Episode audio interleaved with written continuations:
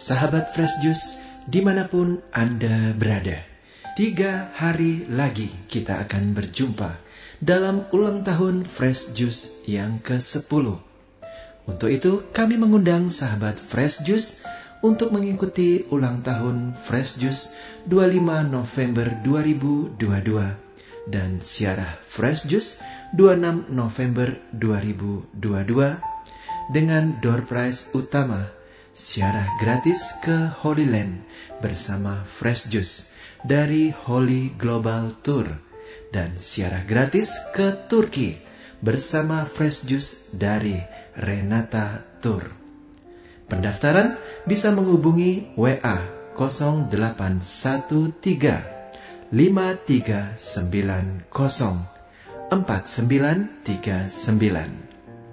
Akhirnya, mari saat ini kita mendengarkan Fresh Juice 20 November, di mana setiap tanggal 20 sampai 22. Fresh Juice seluruhnya mulai desain, editing, pengantar, dan renungan dibuat oleh OMK, Orang Muda Katolik Fresh Juice.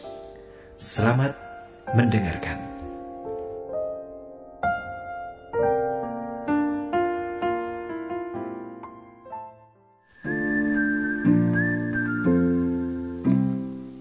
Sahabat Fresh Juice, Shalom.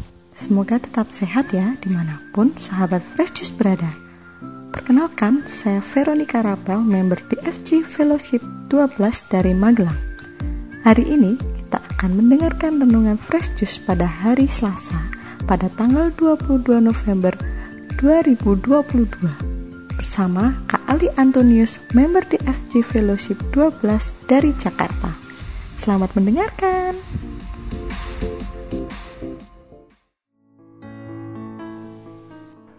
Selamat pagi, Bapak Ibu dan juga teman-teman UMK. Mari sejenak bawa hati dan pikiran kita, kita taruh di tempat yang teduh untuk sama-sama mendengarkan pesan Tuhan hari ini. Melalui Injil Lukas pasal 21 ayat 5 sampai 11. Inilah Injil Yesus Kristus menurut Lukas. Ketika itu, beberapa orang berbicara tentang bait Allah dan mengagumi bangunan yang dihiasi dengan batu indah dan berbagai macam barang persembahan. Tetapi Yesus berkata kepada mereka, akan tiba harinya, segala yang kalian lihat di situ diruntuhkan, dan tidak akan ada satu batu pun dibiarkan terletak di atas batu yang lain. Lalu, murid-murid bertanya, Guru, bila manakah hal itu akan terjadi? Dan apakah tandanya? Kalau itu akan terjadi, jawab Yesus, waspadalah Jangan sampai kalian disesatkan, sebab banyak orang akan datang dengan memakai namaku dan berkata, Akulah dia, dan saatnya sudah dekat. Janganlah kalian mengikuti mereka. Dan bila kalian mendengar kabar tentang perang dan pemberontakan, janganlah kalian terkejut, sebab semuanya itu harus terjadi dahulu.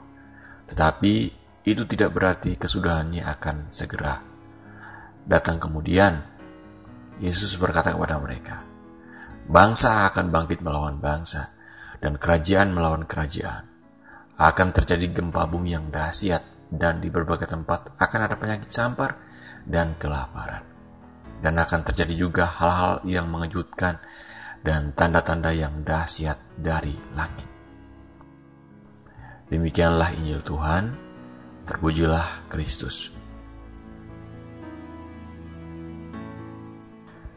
Ada sebuah pengalaman unik dan sepele yang pernah saya alami. True story. Suatu ketika, saya dan juga teman-teman sedang berkumpul. Kita foto-foto.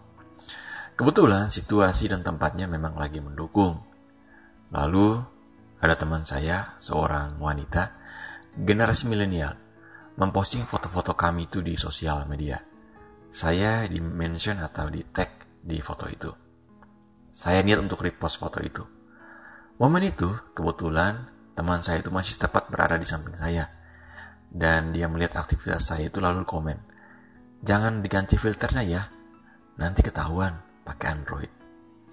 Saya agak heran dan merasa lucu sambil bertanya dalam hati, sepenting itukah soal HP Android dan iPhone? Tapi ya, sudahlah, saya berusaha untuk mengendalikan diri. Sahabat Fresh Juice, bacaan Injil hari ini, Yesus mengajak muridnya jalan-jalan ke bait Allah. Para murid begitu kagum dan terpesona dengan bangunan bait Allah. Tapi Yesus hadir menginterupsi kekaguman itu dengan berkata, ini akan segera diruntuhkan. Ya begitulah kira-kira Yesus berkata.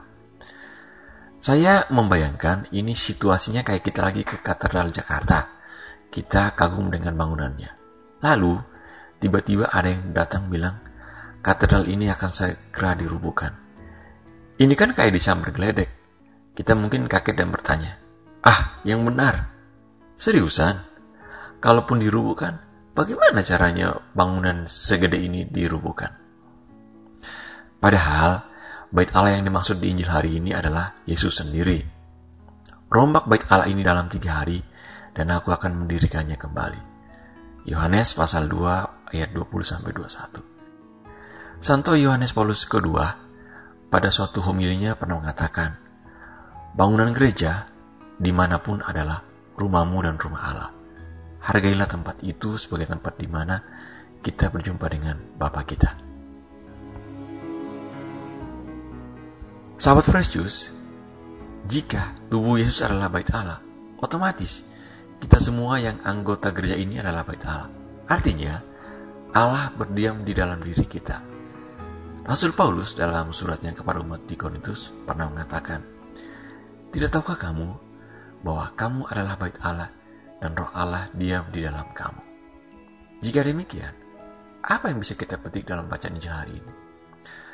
Menurut saya singkat, jika Yesus mengorbankan dirinya untuk orang lain, kita jangan sampai mengorbankan orang lain untuk diri kita. Kita mungkin berdalih dan ngeyel. Ah, saat ini saya sudah banyak berkorban kok.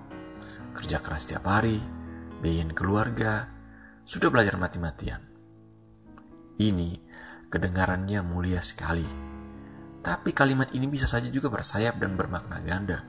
Apabila semua itu dibangun dengan dasar logika yang lapuk, apalagi di era sosial media seperti sekarang ini. Orang mengorbankan diri dan melakukan apa saja untuk sebuah afirmasi atau pengakuan dari orang lain. Dewasa ini, banyak kaum muda berhutang untuk memenuhi gaya hidup, makan-makan di restoran mewah, beli baju baru, liburan berkedok healing, dan umumnya hanya untuk konten di sosial media. Hal ini diperparah lagi dengan adanya pay cashback, diskon yang adalah ranjau yang jitu untuk menjerat kita di masa saat ini. Saya pun bertanya kepada diri saya, jika tubuh kita ini adalah bait Allah, apa iya roh Allah yang berdiam di dalam diri kita sebegitu hedon, begitu banyak memerlukan perhiasan fisik yang berlebihan? Seperti kata teman saya itu, bagi dia begitu pentingnya soal Android dan iPhone. Saya khawatir untuk sebuah tuntutan agar tampil keren dan cantik, kita sampai gunakan cara yang tidak etik. Cantik itu luka.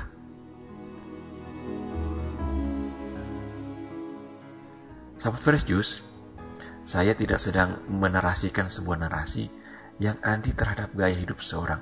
Itu hak semua orang kok, terserah. Cuma menurut saya, saat ini ada banyak hal yang dinormalisasikan bahkan jauh dari ajaran gereja Katolik itu sendiri, seperti perihal materialistis ini. Dan jika kita habiskan untuk membaca baca Injil hari ini, pada alinea yang terakhir, agak sedikit ngeri ya. Lihatlah apa yang dikatakan Yesus. Bangsa akan bangkit melawan bangsa. Ada kelaparan, gempa bumi, penyakit. Mari kita tanya hati kita dan akal kita Bukankah itu sedang terjadi saat ini? Saat sekarang ini? Saya kira itu adalah masalah yang besar. Dan mungkin kita tidak bisa banyak berbuat untuk masalah sebesar itu. Tapi kita bisa berbuat sedikit kok. Sedikit yang saya maksud adalah ada tiga hal menurut saya. Yang pertama, tolong sedikit seriuslah saat Ekaristi tidak usah dulu balas pesan WA. Yang kedua, coba sedikit peka dengan lingkungan sekitar. Berikan tips untuk ojek online adalah tindakan yang akan tidak akan memiskinkan kita. Yang ketiga, sedikit demi sedikit belajar melepaskan kelekatan kita terhadap hobi-hobi tertentu. Misalnya pornografi, bermain game yang berlebihan, atau suka bergosip. Jika tidak, sebenarnya kita yang sedang berada di jalur untuk merubuhkan bait Allah, yaitu diri kita sendiri. Kita merubuhkan diri yang baik ini dengan cara yang tidak baik-baik. Semoga kita tidak begitu ya. Amin. Kemuliaan kepada Bapa dan Putra dan Roh Kudus, seperti pada permulaan, sekarang, selalu dan sepanjang segala abad. Amin.